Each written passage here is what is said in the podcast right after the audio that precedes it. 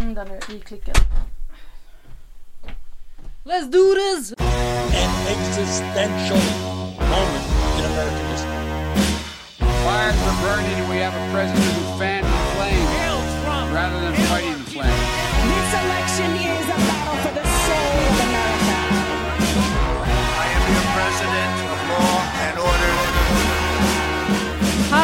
Halloj! Du lyssnar på Trumpageddon med mig Jenny Ågren. Det här är ju podden Aftonbladets podd om USA-valet och vi spelar in detta den 26 oktober och det gör jag ju såklart tillsammans med vår USA-expert Nivette Dawood. Halloj! Hej hej! Aj, aj. Valdagen i USA närmar sig med stormsteg. Det är nu bara en vecka kvar till valet. Det är helt enkelt the final countdown som vi står inför. Exakt så är det nu, för amerikanerna har nu en vecka på sig att bestämma om de ska fortsätta med sittande president Trump eller om utmanaren Biden ska få förtroendet att leda landet de kommande fyra åren. Så hur är stämningen i USA just nu? Hur tänker och känner folk? Vi ska ta och kolla av läget med våra utsända reportrar som är utspridda runt om i USA. Hur är det till exempel i Scranton där Biden föddes? Hur har corona påverkat New York och hur har landet förändrats sedan förra valet? Lite av det här hoppas vi att vi ska få svar på i det här avsnittet. I år så ser vi ju en helt annan valrörelse än vad vi sett tidigare år och det har varit vanligt att presidentkandidater använder sig av låtar och artister i sina kampanjmöten och också som temalåtar kring sig. I år så har det varit lite tystare med det, men musik har en stor betydelse i den amerikanska historien. Vår kollega, rockjournalisten Markus Larsson, har inför valet listat tio låtar som förändrade historien i USA och vi ska snacka med honom om några av dem. Självklart ska vi också kika lite på det senaste som har hänt. Jag tycker att vi kör igång nu. Ni vet, berätta, vad är det som har hänt? Jo, över 59 miljoner amerikaner har nu förtidsröstat och den siffran ökar hela tiden. Det är verkligen långt mycket fler än tidigare val och det är ju förstås på grund av coronapandemin. Antalet förtidsröster som alltså redan har lämnats in motsvarar 43,1 procent av det totala antalet röster som kom in valet 2016. Och av de 59 miljoner som har förtidsröstat så är över hälften från någon av de delstater som kan avgöra valet eftersom de är så oförutsägbara och det är alltså de vi kallar för vågmästardelstater. Alltså det är så många som har förtidsröstat redan, eh, Donald Trump bland annat, men också till och med en astronaut. Ja, det är NASA-astronauten Kate Rubin som har röstat i presidentvalet från rymden. Och hon är då den enda amerikanska medborgaren som inte befinner sig på jorden. Och hon röstade då från eh, den internationella rymdstationen i förra veckan. Och det gjorde hon faktiskt under presidentvalet 2016 också. Men vill du veta hur det går till? Om jag säger nej, vad händer då? Ja, då får vi väl klippa bort det här. Nej, men kör, det är klart. Jo, så här, omröstning i rymden, den fungerar som så att en elektronisk röstsedel laddas upp eh, och så får astronauterna tillgång till uppgifterna och så anger de sin röst och så mejlas den tillbaka till jorden. Det här förklarar då NASA för CNN. Mejlas tillbaka till jorden. Jag tycker det hade varit roligt om de hade skickat Outer space! Ja men undrar om det är på vägen så här bara fastnar i cyberspace och bara Houston we have a problem. Ja, då, har, då är det verkligen om vi har a problem. Yes. Mm. Vi måste alltid kolla läget med opinionssiffrorna. Hur ser det ut? Jo, det är alltså åtta dagar kvar till eh, valdagen och Demokraternas Joe Biden, han leder fortfarande stort om man tittar på de nationella opinionsmätningarna. Men han har också stöd i flera av de viktiga nyckeldelstaterna som Florida, Pennsylvania, Michigan, North Carolina. Eh, och det är ju de som med största sannolikhet kommer att avgöra valet. Sen är det ju så här, man går ju faktiskt och väntar lite på en sån här oktoberöverraskning. Har det skett någon sån eller? Ja, jag kan inte riktigt påstå det. Ingen så här tydlig bomb som har slagit ner. Förutom kanske då eh, att Donald Trump fick covid-19. Men det är ju ingen över... Alltså, Ja, Nej förlåt. men precis, det är inte en klassisk Nej, så kallad nej. October surprise. Men på tal om corona så eh, har faktiskt vicepresidenten Mike Pence, han har det lite jobbigt nu med corona för att det pågår ett utbrott runt omkring honom, alltså bland hans medarbetare. Han har själv testat negativt hittills, eh, men den senaste att testa positivt är hans stabschef eh, Mark Short. Men eh, Pence, han verkar inte vara orolig för han fortsätter ändå kampanja. Och just nu när vi spelar in så är det fem personer nära Pence som har smittats, men eh, många är ju rädda då för att det här ska bli ett nytt sånt här stort utbrott som vi såg i Vita huset. Hur skulle du säga då att stämningen är där borta nu då?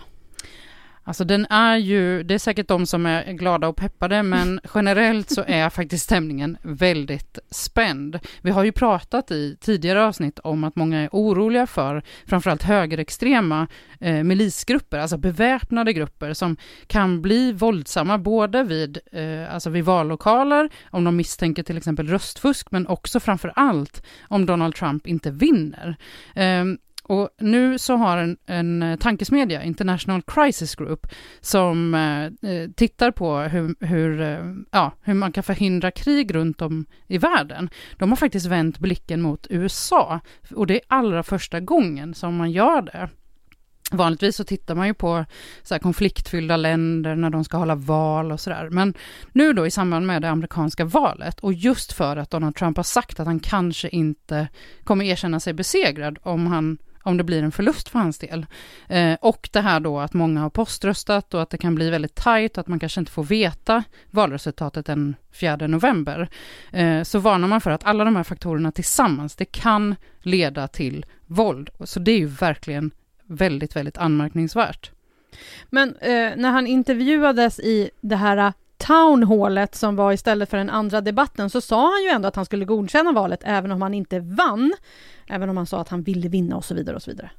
Ja, precis, men eh, risken är ju att det var liksom lite för sent, för att vi ser ju att det är mycket aktivitet med de här eh, milisgrupperna till exempel, och eh, att det här som han sa eh, innan dess, att han eh, faktiskt inte kanske kommer gå med på ett, ett fredligt maktöverlåtande till då Joe Biden om han skulle vinna, det har liksom redan spritt sig, så oron finns redan där. Okej, ni vet. Tack! Då är vi uppdaterade på eh, nyhetsläget helt Mm. enkelt. Så vad är det som står på spel så här i finalveckan innan valet? Det känns faktiskt lite som att det är Idols finalvecka, eller hur ni vet? Ja, nu ska ju bara kandidaterna sjunga sig in i väljarnas hjärtan, typ. Ja, du får se om vi hör, får höra dem sjunga. Vi ska alltså ta tempen på hur läget är med hjälp av våra utsända reportrar. Hur står det till i DC och hur har corona påverkat New York? Ja, vi ska höra ifrån våra utsända reportrar under det här avsnittet. Och vi ska börja med att ta oss till staden där Joe Biden är född, nämligen till Scranton i Pennsylvania, där Wolfgang Hansson befinner sig. Hej Wolfgang! Hej hej! Hur är läget i Scranton? Jo då, det är ganska stillsamt kan jag säga. Eh, Scranton är lite av en spökstad just nu på grund av det här med coronan. För Pennsylvania har infört ganska stränga restriktioner så att det är väldigt många som jobbar hemifrån. Och de som rör sig på gatorna, de, de flesta av dem bär mask även utomhus. Och inomhus är det obligatoriskt på alla offentliga platser att bära mask. Och vad gör du där då? Ja, vi har varit och kollat på Joe Bidens gamla hus där han växte upp eh, de första tio åren av sitt liv. Som ligger på North Washington Avenue här en liten bit utanför centrum. Eh, ett litet eh, gråblått trähus i ett ganska trevligt kvarter där vi pratade med lite grannar som höll på med sån här höstbestyr som att klippa gräsmattor och kratta löv och sådana saker. Ehm, men hur populär är Joe Biden i sin eh, hemstad, skulle du säga? Hur märker man av att han kommer därifrån? Ja, alltså, att han är väl ganska populär det märker man eh, av att det sitter Biden-skyltar i stort sett på, i varenda trädgård som man åker förbi eh, i, i de här bostadsområdena som, som ligger runt stan. Det är väldigt få eh, sådana här valskyltar för Trump. Eh, och även när vi pratade med folk igår så eh, kommer de flesta här kommer ju att rösta på Biden och, och de verkar tycka att han är en, en trevlig kar utan att för den skull ha några jättehöga tankar om, om att han ska kunna eh, ändra politiken på något avgörande sätt. Men framförallt så vill de få lite lugn och ro liksom från den här eh, berg och dalbanan som det har varit de här fyra åren med Trump. Och de vill få in en mer seriös politiker som eh, tar saker på allvar och som eh, har lite erfarenhet att driva politik eh, och få igenom kompromisser i, i kongressen och så vidare. Pennsylvania kallas ju för vågmästardelstat, alltså att det inte är säkert vilka folk röstar på varje val. Du har också varit i en annan stad i delstaten som kallas ett riktigt starkt Trumpfäste. Ja, precis. Och där är det ju totalt, eh, läget är totalt motsatta kan jag säga. Eh, där ser man nästan bara valskyltar för Trump och amerikanska flaggor. Och, Eh, jag var där för ungefär tre år sedan och gjorde ett reportage eh, för att höra då när Trump hade suttit i ett år för att höra om folk fortfarande tyckte att han uppfyllde deras förväntningar. Och då var ju folk väldigt positiva, de flesta. Och när vi nu var tillbaka här häromdagen så eh, träffade jag samma människor och, och de är ju ännu mer stärkta i sin tro nu att Trump är rätt man att, att styra USA. Eh, och enligt dem så är det ingen av deras vänner som eh, har ändrat sig och tänker rösta på Biden utan det är snarare tvärtom så att eh, stödet för Trump har stärkts i, i det här området. Och det är ju ett, ett jordbruksområde eh, som stora delar av Pennsylvania är utanför de stora städerna. Det är, den befolkningen röstar i väldigt stor utsträckning för Trump eh, medan då stadsbefolkningen i större utsträckning röstar för eh, Biden. Och det som blir intressant att se nu, det är ju förra gången så skilde det ju 44 000 röster till Trumps fördel. Det är ju om Demokraterna kan ta tillbaka de här rösterna då och, och, och slå Trump. Men vad tror du då, kommer Biden att lyckas? Ja, eh, min känsla är lite grann eh, när jag har pratat med en del av de så demokraterna här som inte röstade i förra valet att eh, det var många som lät bli att gå och rösta därför att de var så säkra på att Hillary skulle vinna. Och nu är det väldigt många som redan har röstat i förtid genom att poströsta. Eh, så att valdeltagandet tror man kommer att bli mycket högre här i Pennsylvania än vad det var i förra valet och det gäller för övrigt hela USA. Eh, och ett högt valdeltagande eh, är någonting som är bra för Demokraterna Eh, och det kan ju gynna Biden. Men det, det är fortfarande... Opinionsmätningarna visar ju att Biden leder klart här i delstaten. Men eh, med tanke på vad som hände för, vid förra valet så är det väldigt många på båda sidor nu som är lite skeptiska till de här mätningarna. Och till och med Demokraterna är oroliga för att det ska, den här historien från förra gången ska kunna upprepas. Att, att då Demokraterna förlorar. Men på tal om förtidsröster så har ju också president Trump förtidsröstat i helgen och han gjorde ju det i eh, Florida. Vad tänker du om det? Ja, det är väl också, dels är han ju bosatt där nu då. Han är ju skriven i Florida. Han har ju sin eh, Mar-a-Lago-klubb där nere. Eh, och sen är ju Florida också en väldigt viktig delstat, eh, precis som Pennsylvania. Det är också en eh, sån här eh, vågmästarstat. Och Eh, för Trump är det ju väldigt viktigt att vinna Florida. Det är väldigt få republikanska eh, kandidater som har blivit president utan att vinna Florida. För Biden så finns det många olika vägar till att bli president även om han inte skulle vinna i Florida. Men de vägarna är mycket större för president Trump. Så Wolfgang, vem tror du kommer vinna?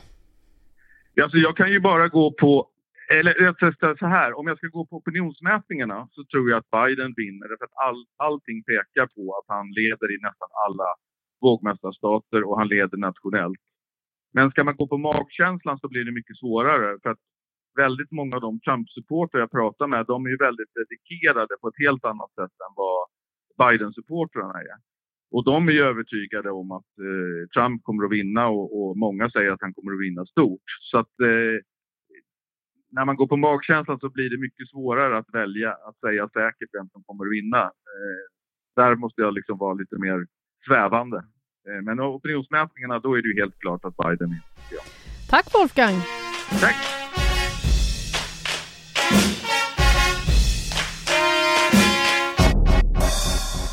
Så, då tar vi oss vidare till Washington DC, huvudstaden i USA och där också Vita huset och Donald Trump eh, bor. Där har vi Emma Lovén Svensson. Hallå Emma! Hallå! Märks det att det är finalvecka i huvudstaden? Det skulle jag ändå säga att det gör. Det finns en hel del såna här souvenirshoppar nere vid Vita huset där det har sålts en hel del grejer och det har varit mycket folk utanför Vita huset. Samtidigt som det var ju debatt tidigare också i ehm, förra veckan och då var det flera barer som visade den här debatten och ganska mycket folk som hade samlats. Så det är ändå lite valfeber skulle jag säga. Emma, du har också tittat på hur de amerikanska tv-kanalerna bevakar valet. Eh, Varför är det här viktigt? Jo men det som är grejen här lite i USA är att här rullar ju nyheter hela tiden på TV dygnet runt. Och de här kanalerna har ganska olika profil. Jag har kollat närmare på Fox News som man brukar beskriva som konservativ och CNN som är lite mer vänsterlutande och MSNBC som är en liberal kanal skulle man kunna säga. Och de här kanalerna har ganska olika vinklar på valet och det här påverkar ju såklart väljarna beroende på vilken kanal man har valt att eh, kolla på. Och Pew Research Center som brukar göra en del undersökningar inför de här amerikanska valen och liknande, de har beskrivit det till och med som att beroende på vad man sympatiserar med så lever man i olika medieuniversum inför det här valet. Och hur skulle du säga att de olika kanalerna rapporterar? Ja, men Vilken är till exempel minst partisk och sådär? När jag pratade med Gregory Martin som forskar i politisk ekonomi vid Stanford så frågade jag honom vilken kanal av de här tre är mest sann. Och då sa han att ingen skulle han säga är mer sann än någon annan. Utan han skulle säga att Fox och CNN och MSNBC är ungefär lika sanna. Sen har de väldigt olika vinklar då. Men han skulle beskriva dem som lika sanna. Vad säger folk som du har pratat med om amerikansk media? Ja, men det är ganska många som har ändå märkt de här skillnaderna och reflekterat över dem. Jag var i Pennsylvania i förra veckan och då pratade jag med lite folk och det lät ungefär så här. Who do you trust with the cable news? None of them. I don't really put my faith that anybody is telling the absolute truth. There's, there's just too much hearsay and twisting of facts that's out there that, that really people are getting the wrong information and being misled. I know a lot of people that get up in the morning and put on Fox and it's on all day. It, it's almost disappointing too how, how the issues have almost become back burner and, and, and personal attacks have kind of come to the fore, you know. So, I mean, you know what you're going to hear whichever one you turn on. Okej, där hörde vi lite amerikaner eh, på gatan i Pennsylvania. Men eh, om amerikaner då får välja sina tv-kanaler, väljer de dem efter sin politiska åsikt? Ja, det gör de.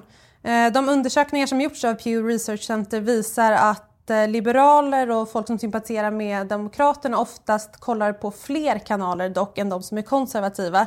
Det som gör Fox lite speciellt här är att eh, Fox har väldigt trogna tittare och kollar man på Fox så är man eh, ofta konservativ och man kollar inte på så mycket andra kanaler. Kollar man däremot på CNN så är det ganska troligt att man kollar på ABC eller MSNBC också. Efter förra valet så lovade CNN att de inte skulle bekämpa presidenten. Har de lyckats, tycker du? Den, alltså den forskning som jag har kollat på, de experter jag har pratat med, de säger ju att CNN och presidentens relation under de här senaste fyra åren har blivit ganska infekterad. Och det har handlat ganska mycket om att CNN har blivit attackerad, både enskilda reportrar och hela kanalen av presidenten. Och det här menar Gregory Martin då på Stanford Eh, har gjort att CNN har faktiskt dragit sig åt vänster i sin typ av rapportering och sina eh, vinklingar. Och han menar att de idag går att koppla mer till liksom det allmänna demokratiska motståndet mot Trump än vad de kunde göra innan när han blev president. Men eh, när det kommer till Fox News då, skulle Trump kunna bli vald igen om eh, Fox News eh, inte stödde, stöttade honom? Det är ju ganska svårt att, att, säga för mig, men man måste ju faktiskt komma ihåg att det är väldigt många i USA som gillar Fox och tycker att Fox är en frisk fläkt på mediemarknaden och gillar deras vinklar. Det, det finns ju väldigt många i USA som är konservativa och som tycker att de vinklar som CNN och MSNBC och andra medier gör kanske inte riktigt gör jobbet för dem, för de vill ha en annan ingång. Och Fox har ju en väldigt stor publik och en väldigt trogen publik så att kanske så hade Trump haft svårare att bli omvald om inte Fox stödde honom men det finns verkligen en efterfrågan på en kanal som Fox på den amerikanska mediemarknaden. Ja, och sen så är det väl också Donald Trumps egen favoritkanal. Han tittar ju ofta på Fox News och twittrar efteråt, eller? Ja, precis. Han, han, det är ju den kanalen som han liksom valt att alliera sig med. Även om de också haft sina småduster här och där så är det väldigt tydligt att det är den kanalen som han också kanske lite lättare ställer upp på intervjuer på och sådär. Sen är det ju så, det pågår en pandemi, eh, corona eh, är över hela världen och i, i DC så har man ju byggt ett monument för att hedra offren som dött i corona. Precis, jag ska faktiskt ner dit eh, alldeles efter den här intervjun. Man har satt upp eh, vita flaggor utanför DC Armory för eh, varje person som har dött till följd av coronaviruset eller med corona. Och det här med coronaspridning i landet är verkligen den här veckans och helgens stora snackis för att i flera stater så har det verkligen börjat se mycket mer illa ut än det gjorde för bara några månader sedan. Eh, så att det här är verkligen någonting som inför valet kommer vara en jättestor och viktig fråga. Det är halloween. Hur påverkar nu corona stämningen inför årets, äh, årets halloween i USA? Jo, men den här diskussionen som har varit inför högtider i Sverige också tidigare har ju varit här nu också. Kan man åka hem till familjen? Kan man gå på fest? Och så liknande så. Eh, det finns en del oro nu inför halloween och sen så är Thanksgiving inte allt för långt bort heller. Eh, samtidigt gick jag förbi Vita huset igår och då var det en lång, lång rad med barn utklädda till olika halloween-utstyrslar som var på väg in till Vita huset för att där eh, fira halloween och visa upp sig. Så att folk verkar ändå vilja genomföra högtiden på något sätt. Ja, men då får jag bara fråga, alltså Ruth Bader Ginsburg brukar ju vara en som folk eh, klär ut, eller inte barn klär ut sig till. Har du sett några sådana minikopior av henne? Jag såg faktiskt inte det igår. Det var mer sådana klassiska Superman och liknande. Sen var det ganska kallt här också, så ska jag vara helt ärlig så var det ju typ ganska mycket så Superman i dunjacka. Eh, så det var mest barn i dunjackor med kanske halloween-utklädnad under dem. Ja. Vad tror du, Emma? Vem vinner valet? Jag tycker faktiskt att det är jätte, jättesvårt att säga. Skulle, skulle jag gissa så kanske det är Joe Biden ändå, men jag vågar verkligen inte säga det med säkerhet. Det kan verkligen lika väl bli Trump. Tack Emma! Tack, tack!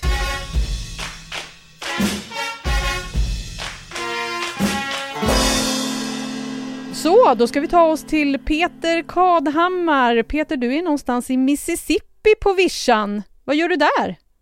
Nej, jag är i Mississippi-deltat och det är ju som själva den miljön här är ju mycket som ett Haiti i USA. Det är ju ett av de det fattigaste stället i USA kanske.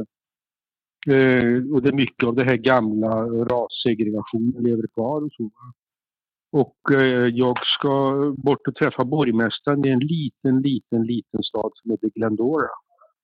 Eh, som jag träffade 2008 faktiskt inför valet, eh, då, presidentvalet då, då Barack Obama valdes första gången. Ehm, och Glendora är känt för att det var där egentligen medborgarrättsrörelsen började 1955.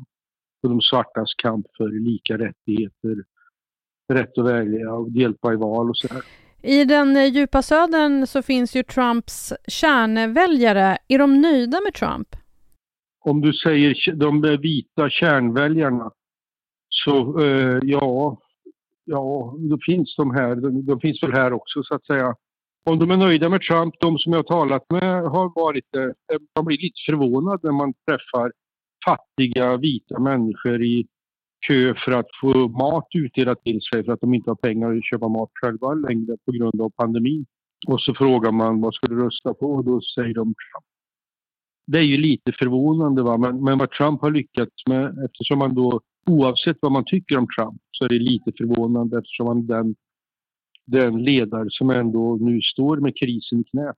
Vad Trump har lyckats med det är ju att framställa sig själv som en stark man. Även om han inte är en stark man eftersom han inte är någon skicklig politiker egentligen. Men han är väldigt skicklig på att tala till en del av befolkningen. Och den delen av befolkningen som gillar honom är desto mer entusiastisk. Men skulle du säga att han har hjälpt de fattigaste på något sätt?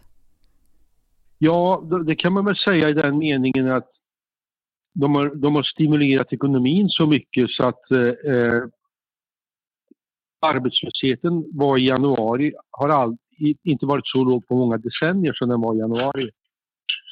Och att eh, eh, reallönerna faktiskt har ökat i USA på sistone.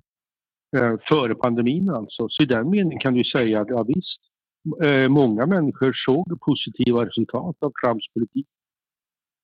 Men den politiken har ju också inneburit att eh, statsskulden har ökat extremt mycket, vilket ju strider helt mot den gamla republikanska filosofin och ha en jämvikt ekonomi. Eh, vilken skulle du säga är den viktigaste frågan för vanligt folk? Viktigaste frågan för vanligt folk är ju Trumps vara eller inte vara. Det är ju, det är ju, en, det är en folkomröstning om Donald Trump.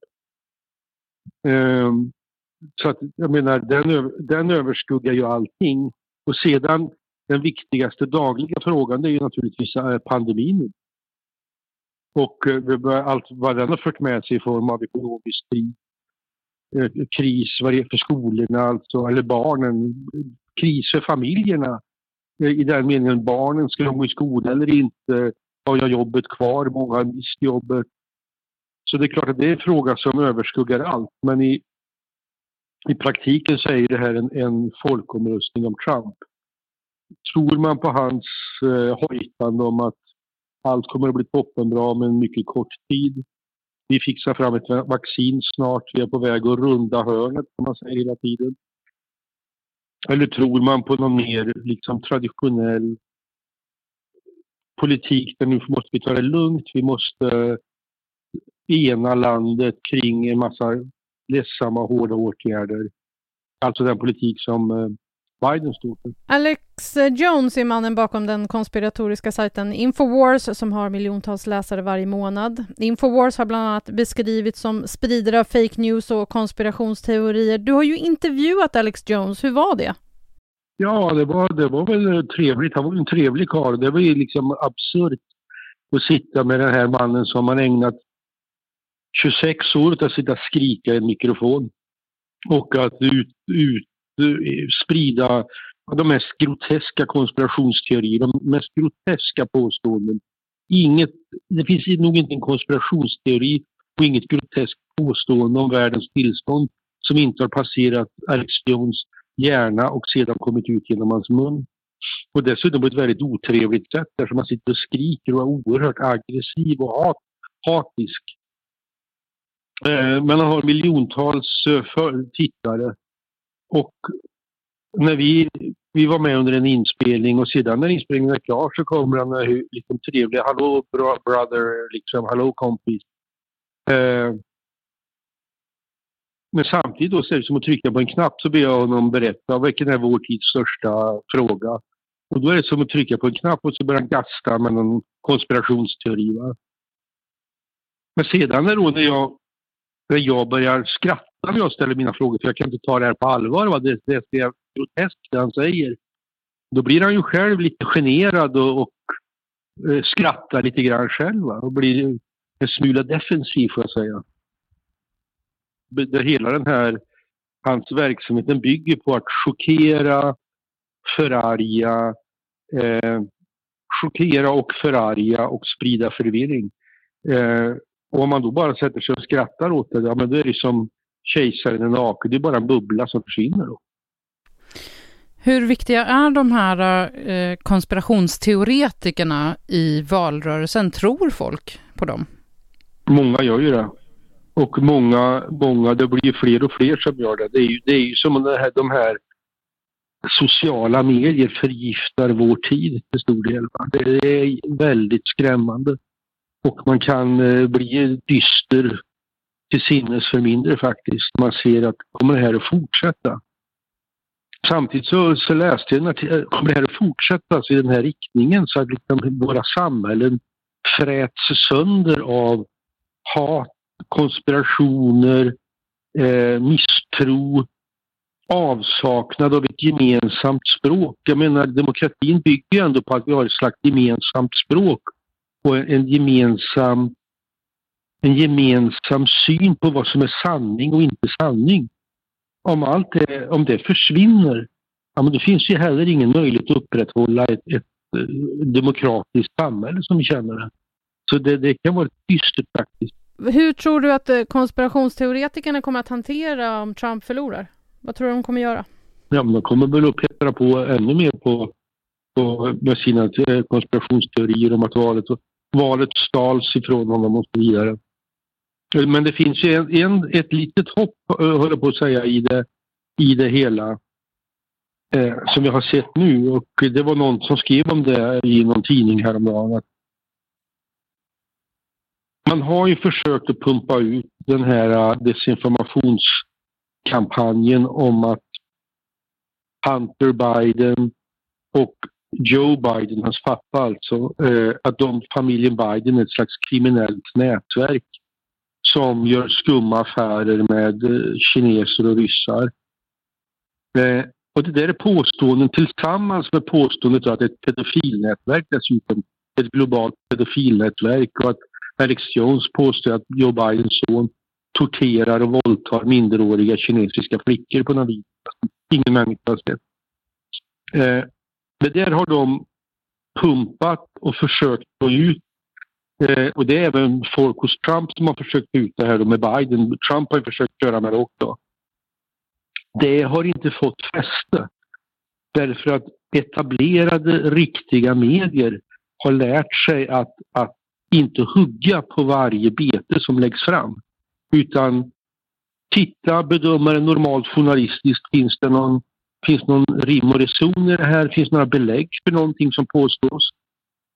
Och sen behandla det normalt journalistiskt.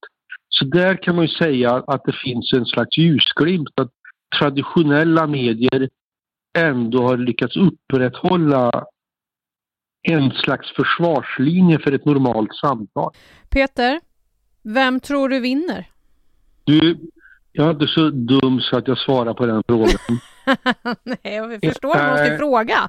ja, nej men jag, jag, jag minns förra gången, det var väldigt bra. Då frågade folk hela tiden, vem vinner i valet? Och jag sa ingen aning. jag menar vad som helst. Det är ett val, vad som helst kan hända va. Jag menar, nu lutar det ju åt att Biden kommer att vinna om man ser alla mätningar va. Men det är ju, jag menar det vet vi först när valet, när rösterna är räknade. Yes, det vet vi då. Peter Kadhammar, tack så mycket.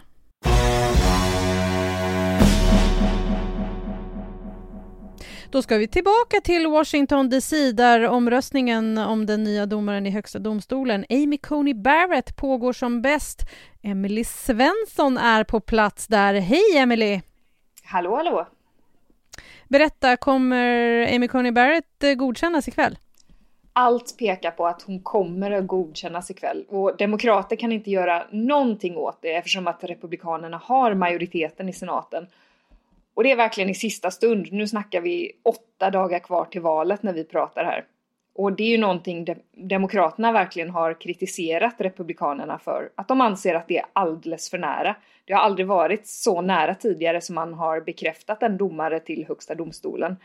Och det är särskilt en nagel i ögat på Demokraterna eftersom att Republikanerna inte ville släppa fram Obamas nominering 2016, Merrick Garland, med hänvisning just till att det var ett valår och då var det åtta månader kvar istället för åtta dagar. Så då, Demokraterna har gjort allt för att försöka fördröja det här över helgen. Men som sagt, det verkar vara lite de kan göra. Hon kommer bli godkänt om inte något totalt oväntat händer. Och det är en stor vinst för Republikanerna. Är det mycket protester nu utanför Högsta domstolen? Än så länge är det ju bara morgon här nu, men man räknar med att det kommer bli en del protester här under dagen. Jag har sett hur folk kraftsamlar på Twitter bland annat. Eh, man har ju protesterat tidigare under utfrågningen av eh, Coney Barrett, bland annat i sådana här röda kåpor som man känner igen från karaktärer i den här serien och boken Handmaid's Tale, som blivit lite som en symbol för kvinnoförtryck. För många liberaler är ju oroliga över att den här utnämningen av Coney Barrett ska göra att det blir en konservativ övervikt på bänken och det här bland annat ska hota nationell aborträtt. Det är en fråga som engagerar jättemånga oavsett vilken sida man står på. Så jag tror vi kommer se både för och mot demonstrationer här idag.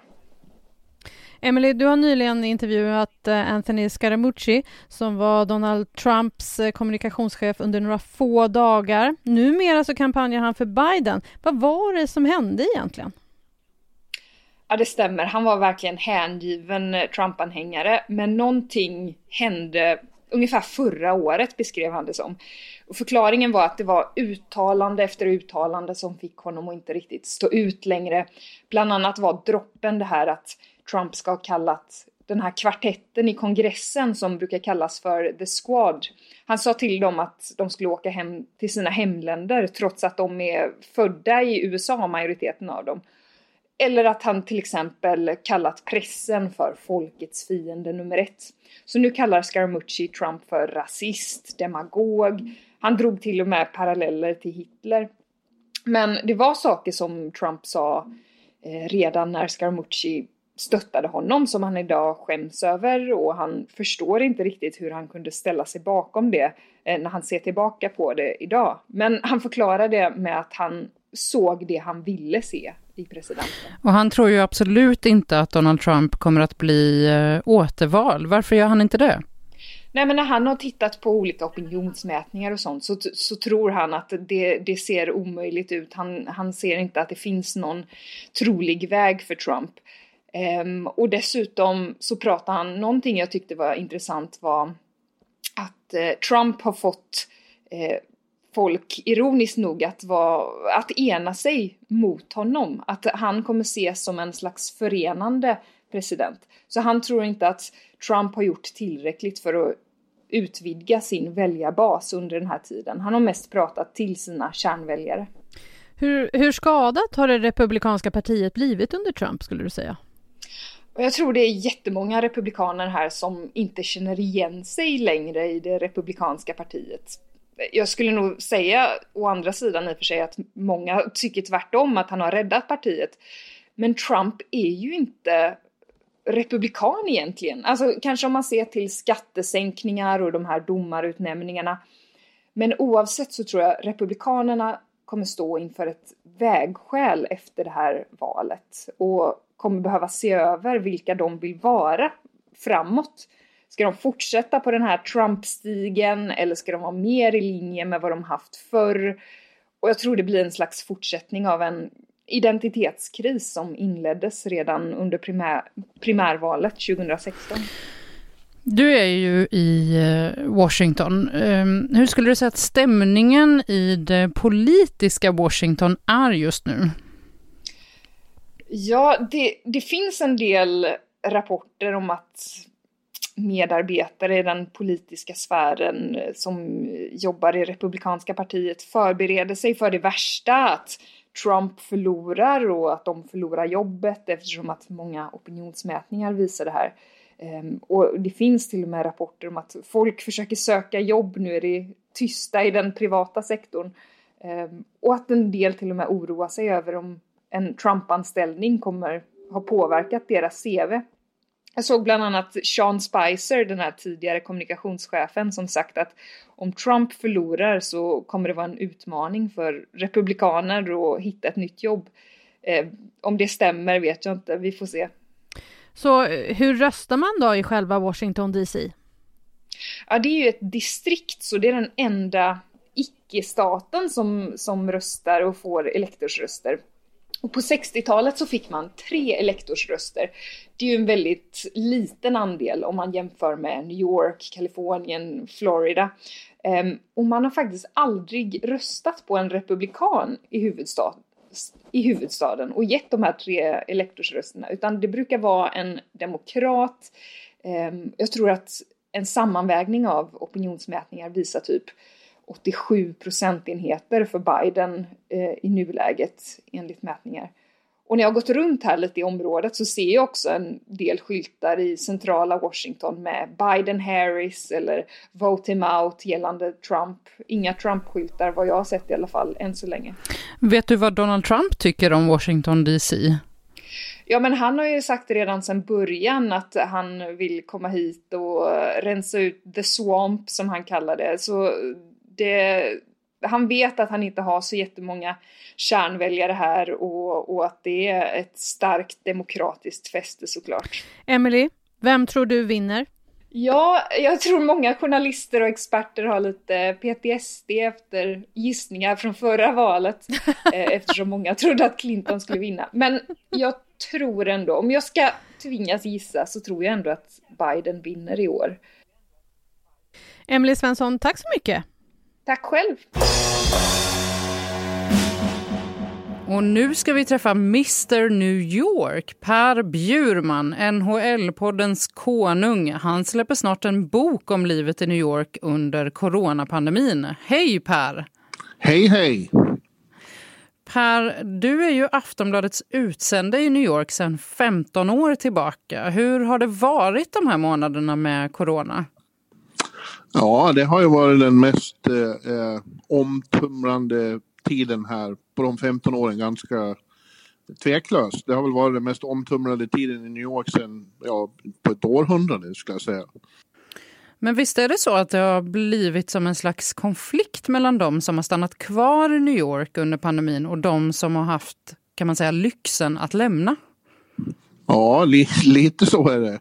Eh, man kan se det som i huset där jag bor, ett väldigt stor, en väldigt stor fastighet under tidiga våren så var, det, var vi väldigt få som bodde kvar här eh, och det var rätt eh, behagligt i och för sig.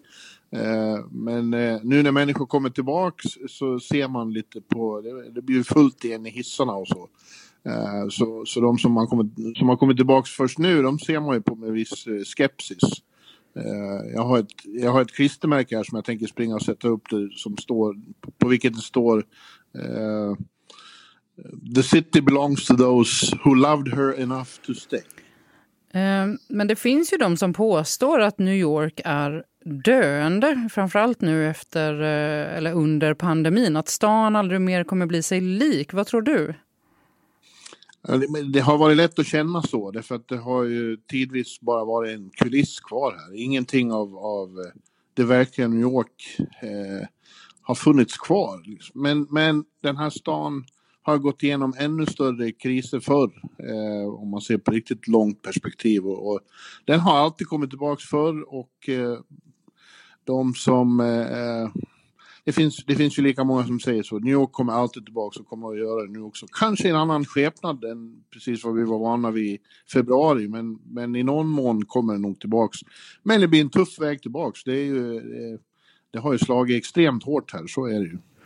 Vad skulle du säga, är det någon valfeber i New York då? Jag skulle säga att det är lite oroligt här. Det är eh, obehaglig stämning inför den här sista veckan. Vi, vi hörde alldeles nyligen att NYPD, den lokala polismyndigheten, har total recall för valdagen. Man är rädd för oroligheter. Vinner, vinner Trump eller förlorar och vägrar acceptera resultatet, då eh, kan det bli väldigt stökigt här, eh, befarar man. Och, och, och skulle Biden vinna, eller snarare om Trump förlorar och ersätter förlusten, då blir det väl glädjefnatt i just New York. Eh, och på andra håll är det väl liksom då det motsatta eh, scenariet. Eh, det kan bli oro, oroligheter av andra, av den rakt motsatta orsaken. Finns det några Trump-väljare på Manhattan? Förutom då kanske familjen Trump själva? ja, det, det, finns det väl ändå, men, men eh, de är inte många och de eh, gör inte mycket väsen av sig här. Eh, jag, jag kommer ihåg att man, man har sett någon gång någon person som har gått förbi en sån röd keps, eh, Make America Great Again. Och det känns som Jesus, hur fan vågar de det? Alltså, eh, för det, då blir man ju utskälld och utpekad på och, och så. Och i, igår söndag så var det väl en, en, en konvoj här som Rudy Giuliani ledde med, med bilar som åkte omkring med så flaggor och sånt. Och de blev ju, folk kastade ju ägg på Rudy. Så att eh, särskilt många, majoriteten är verkligen inte Trump-supportrar. Just det, och Rudy Giuliani, han är ju eh, Trumps eh, närmaste eh, advokat. Vad tänker folk om det som har skett med Rudy Giuliani den senaste tiden. Eh, han har eh, både anklagats för att eh, vara del av en rysk påverkanskampanj och så ska han ha lurats i den senaste Borat-filmen. Ja, det är, det är speciellt med Rudy som ju var borgmästare här förr och, och blev folkhjälte efter 9-11. Eh, och nu, här tycker människor att han har förlorat förståndet. Eh, och det är många av hans för detta vänner och för detta kollegor som en gång i veckan känns det som att de skriver en, en, en opinionstext om att eh, och, och frågar sig vad som har hänt. Mannen har blivit galen, tycker de. Eh, och han, eh, han uppför sig, ibland är det svårt att inte uppfatta det som att han uppför sig väldigt irrationellt. Men eh, han är lojal mot sin gamla vän Trump, det kan man nog slå fast. Hur är det, skulle du säga att folk börjar rikta in sig i New York på ett liv utan Donald Trump? Nej, jag, nej, jag tycker det känns som ingen vågar, vågar ens tänka tanken än. Eh, jag tror de flesta till att börja med är, försöker förbereda sig på att det kan bli kaos efter nästa tisdag. Att eh, valresultatet inte kommer accepteras eller inte står helt klart. Att eh, vad som helst kan hända efter, efter vi har fått eller inte fått valresultatet. Eh, det, känns, det känns faktiskt lite obehagligt här, ni vet. På vilket sätt då? Ja, just det här att man... Att man äh, äh, det känns som något mörkt där ute, att, att, att det är något hotfullt som väntar. Att, att för första gången att valresultatet inte kommer att accepteras och att det kommer leda till oroligheter. Det känns, det känns lite obehagligt. Vad tror du då? Vem vinner valet? Ja, jag, jag, jag törs inte... Alltså, för fyra år sedan så vid den här tidpunkten så var jag och de flesta andra var väl ganska förvissade om att eh, Hillary Clinton skulle vinna. För att eh, opinionsmätningarna visade det. Men sen dess så vågar inte jag tro på opinionsmätningar. Så jag, jag säger ingenting. Tack så mycket Per. Tack, tack. Sådär, då tar vi och lämnar våra reportrar på andra sidan Atlanten. Ni kan självklart läsa, höra och se mer av alla deras reportage på Aftonbladets sajt. Då ska vi äntligen ta och prata om musik i Trumpageddon. Woohoo! det är bra, man behöver ett litet glädjeskrik här nu. Populärkulturen har nämligen en stor betydelse även i valrörelsen.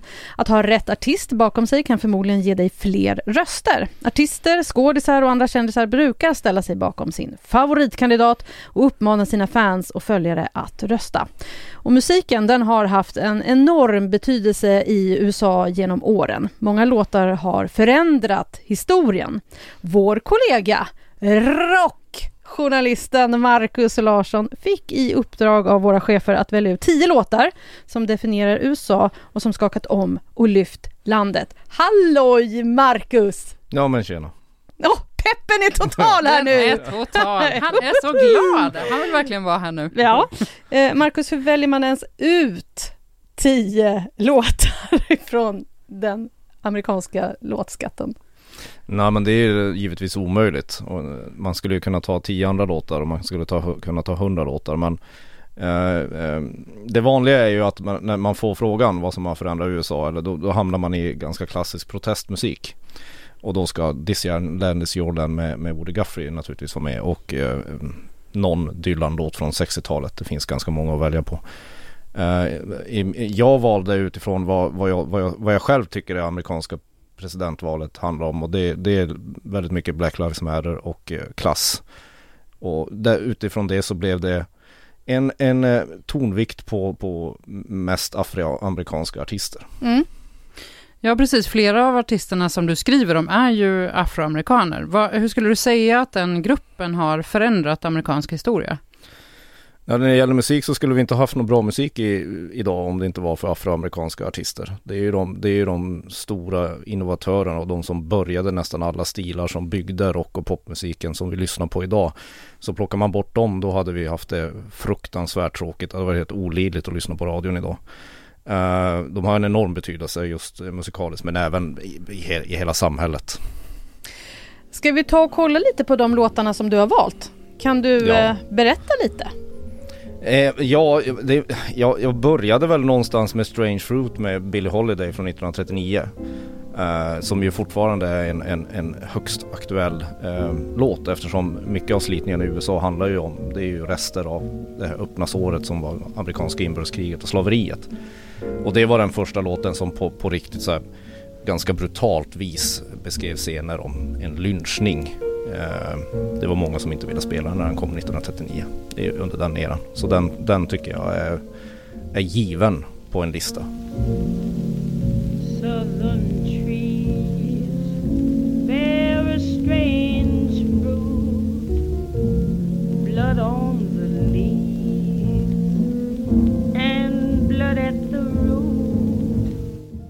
Kanye West har ju samplat den på 10-talet och sånt. Eh, sen, sen så naturligtvis A Change Gonna Come med Sam Cooke. Som, eh, som ju har, som när den kom inte fick, fick så stort genomslag men den har ju vuxit till någon sorts medborgarrättshymn som även när man lägger ut den på Youtube numera så, så, så är det inte bara amerikanska medborgarrättsrörelsen och, och svartas frigörelse den handlar om utan det är hbtq-rörelsen och eh, feministiska frihetsrörelsen och allting. Det är en sån här universell hymn för folk som kämpar mot för sina rättigheter.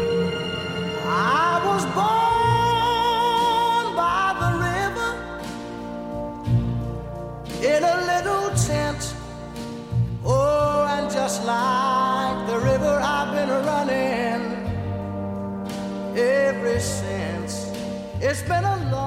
Den plockades ju också upp av eh, förre presidenten Barack Obama, eller hur? Ja, han, använde, han refererade till den i sitt vinnartal när han blev vald till president i Chicago. Då, då, då sa han a change, is gonna, a change has finally come to America. Så den, är absolut, Barack Obama kan sin Sam Cooke. Och vad mer då har du på den här listan? Ja, det, eftersom Kommer du ihåg ens? Ja, ja, ja, det- ja pff, jag har ju Nina Simone, bara bra grejer. Den En- viktigaste en- frågan en- är ju faktiskt, en- har du med Beyoncé? Absolut, men hon har inte kommit där. Vi har inte kommit dit till den platsen. Nej, jag vill bara veta att hon är med. Jag vill bara vara säker på att hon är med Beyon- Beyoncé. Beyoncé är naturligtvis med och, och naturligtvis också Fuck the Police med NWA. Ice Cube, take the motherfucking stand. Do you swear to tell the truth, the whole truth, and nothing but the truth? So help your black ass. You goddamn right. Won't you tell everybody what the fuck you gotta say? Ja, du kan andas ut. Jag kan an- också andas ut för jag vet ju också att du har med Bruce Springsteen. Hon i USA ja. Ja, Men den måste väl vara med eftersom Ronald Reagan försökte kidnappa den på 80-talet. Mm. Det Eh, gjorde han. den- han den förstod vill- inte innebörden av texten.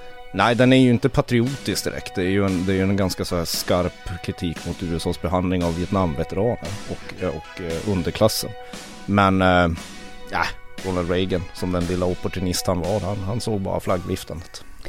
Eh, vilken skulle du säga är Black Lives Matter-rörelsens soundtrack? Eh, det är svårt att säga, det är många. Det är Kendrick Lamar och, och, och ja, det finns, det finns många, många liksom låtar som är Black Lives Matter. Så I modern tid så skulle jag säga Kendrick Lamar All Right. All's my life I has nigga. All's my life I hard times like yeah, bad trips like yeah. Men det finns, det finns flera stycken. Beyoncé är nog med där. Skönt. Ja, det borde hon med, vara, va? Med, med Mm. Formation. Ja, Mm. är ganska militant. Finns det några andra låtar som har spelat roll i valrörelsen nu? Nej, den, den här valrörelsen har ju mest så här, eh, tycker jag, eh, kännetecknats av, av alla artister som inte vill spelas på Donald Trumps möten. Alltså, jag har en lista här. Alltså, Donald Trump använder väldigt mycket musik. Uh, Adele, Neil Young, John Fogerty, R.E.M., Aerosmith, Queen, Rihanna har alla försökt ta bort sin musik från hans valmöten. Och Han- lyckas de då? Nej, det, det, det lyckas väldigt sällan. De, de kan plockas bort från sådana här kampanjer på YouTube och reklamkampanjer och sånt kan de få bort dem från. Men på valmöten är det nog lite svårare. Det roliga är ju att Donald Trump eh, använder YMCA med Village People under sina, sina valmöten. Han dansar ju också. Ja, han, han dansar till det. Men kan han rörelserna till Äh. YMCA? Ja, kan han lyfta armarna så högt undrar jag. Vad heter det nu? Nej men, äh, och det här är ju lite så här, det är ju ganska lätt att se vilka som, alltså de flesta artister i USA slutar ju alltid upp bakom Demokraternas kandidat. Det är bara så det är. Medan några få, som Kid Rock och Kanye West och Toby Keefe, en countryartist Toby Keefe, kanske liera sig då med Republikanerna. Så där kan man ju säga rent musik musikaliskt så vinner ju alltid Demokraternas kandidat. Men å andra sidan kan det ju också bilda en sån här det, det, hos folket, en sån här elit, en bortskämd elit som sluter, ba, sluter bakom en annan elit så att säga. Så det, jag tror inte musiken vinner val. I den kalanka världen lever vi fortfarande inte. Alltså det här var ju väldigt, väldigt tydligt under eh, förra valrörelsens eh, partikonvent. I år blev de ju väldigt decimerade eftersom det råder pandemi. Men under förra eh, valrörelsen då var det ju Hillary Clinton då och så var det Donald Trump. Och eh, Hillary Clinton hade ju så många artister så att det, det fick liksom inte plats på inbjudan nästan. Och, eh, och sen då när eh, Donald Trump svors in, då brukar man också ha en, en stor konsert. Och det var liksom, det var några få kända, jag tror att det var kanske Kid Rock eller någon av dem du nämnde. Men i övrigt så var det så här, ja den här trumspelaren som ingen kan namnet på. Det var, det var väldigt apart faktiskt. Nej, men det men... blev ju en, det blev en härlig kväll ändå såklart. Men det är ju precis som du säger, att det är ju Demokraterna som oftast har artisterna bakom sig. Ja, men så har det ju varit histori- ganska långt tillbaka i historien också. Men, men, men det behöver ju inte betyda någonting för valutgången. Jag tror amerikaner tycker så här att ja, Bruce Springsteen stöttar en demokrat. Ja, skitsamma, jag gillar hans musik ändå. Liksom.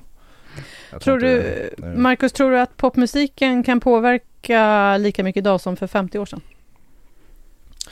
Nej, ärliga svaret är nog nej. det tror jag inte. Men däremot så ser man ju att, att, att äh, det finns väldigt stora likheter mellan slutet av 10-talet och 60-talet. När jag gjorde den här listan så är det nästan enklast att hitta de bästa protestlåtarna någonstans i, på 60-talet och slutet av 10-talet. Så det här Donald Trump och eh, har ju verkligen väckt eh, många musiker och artisters eh, kreativitet kan man säga. Eftersom de känner sig ett behov att protestera mot honom. Och eh, ja, det finns ju andra saker i amerikanska samhället som, som det är inte bara Donald Trump som är problemet. Så det, det, fin, det, det är skakigt, det är ett splittrat land och då blir det väldigt mycket, då, då känner artisterna att de behöver liksom uttrycka sig på ett annat sätt. Det är ju intressant för vi pratade ju om i avsnittet om ifall Donald Trump är rolig, att det var många komiker som kände egentligen raka motsatsen, att de bara gav upp för att de kände att nej men vi kan inte skämta om det här, det är för, det är för mycket, det är för allvarligt. Men istället då menar du att musikerna har eh, fått en skjuts istället, eller? Ja, nej men så är det ju. Men det är, det är enligt eh, en tradition som föddes på 60-talet så har ju, så har ju musikerna protesterat mycket i, i, i sitt värv. Det är liksom en amerikansk grej att göra. Det är inte, den är inte bara amerikansk, den finns ju över hela världen.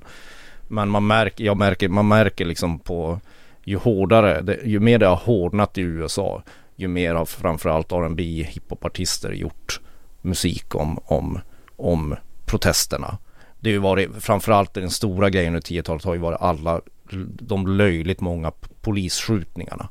Det som, alltså Black Lives Matter, men framförallt polisskjutningarna och nu senast den här hemska kvävningen av uh, George Floyd. Det, det har ju triggat igång, inte bara demonstrationer utan väldigt mycket så här protester inom uh, i musikvärlden också. Marcus, om du får välja en enda låt som format eh, USA mer än någon annan? bara sådär, på uppstuds. bara, bara sådär. Um, ja, det var, det, det var en svår fråga.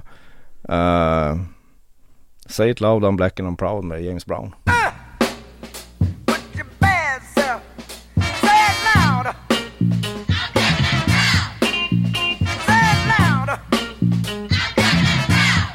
Där hade vi den. Mm. Då kan man ju också eh, lyssna, man kan ju gå in och läsa mer om hela din lista. Ja, på sajten såklart. Den är ju inte klar än. Alltså, Nej. Den, den fortsätter ju fram till valet. Vi ser med spänning fram till eh, Beyoncé. Beyoncé, bland annat. Marcus eh, Larsson, tack så mycket. Tack själv. Ja, då är vi klara för idag och ni vet, du, får ju liksom, du fick eh, klara av eh, Per Bjurman själv du. Mm. Ja, det var kan, trevligt. Så kan det bli ibland när ja. eh, vi lever det här livet som vi lever i. Ja, med folk, med folk. lite överallt och sådär. Men eh, det känns bra. Nu har vi en koll på vad som, hur läget är i um, USA. Och du som har lyssnat, du har lyssnat på Trumpageddon med mig, Jenny Ågren och Nivette eh, Dawood. Tack för idag, Nivette. Tack själv. Och vi är tillbaka senare i veckan med ett nytt avsnitt. Så följ oss nu i din poddspelare så missar du inte när det kommer ut. Och du får också gärna höra av dig till oss så kan du mejla trumpageddon.aftonbladet.se eh, och vi har såklart även ett instakonto som heter trumpageddon podd. Kolla in det. Ha det så bra nu så hörs vi snart igen. Hej då! Hej då!